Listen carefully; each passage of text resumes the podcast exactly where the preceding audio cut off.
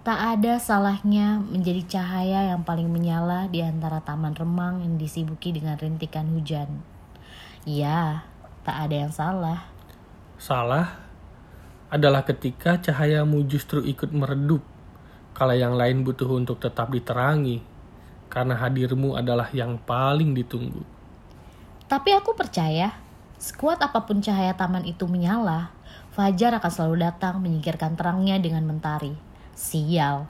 Mentari tak pernah tahu betapa sulitnya membahagiakan orang-orang di taman saat dia sibuk terlelap di sisi bumi yang mabuk keriuhan mimpi.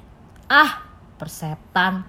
Siapa peduli dengan nasib yang lainnya saat mereka yang di atas begitu ricuh membawa janji-janji palsu dan kerap menatap tak acuh? Tenang kawan, tenang. Karena senja adalah sahabat dan rembulan adalah kekasih yang tengah dimabuk asmara dan tampak sangat cantik di hari ke-15. Aku selalu suka berdansa bersama Purnama, sinar yang tanpa pamrih menerangi meski hanya sebuah pantulan dari sang mentari. Iya, hidup tidaklah terlalu rumit.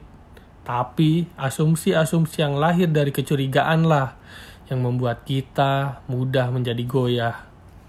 Tetaplah menjadi cahaya dua kawan-kawanku. Meski kita berada di taman yang paling gelap, kisah cinta paling kelam, dan puisi paling rahasia.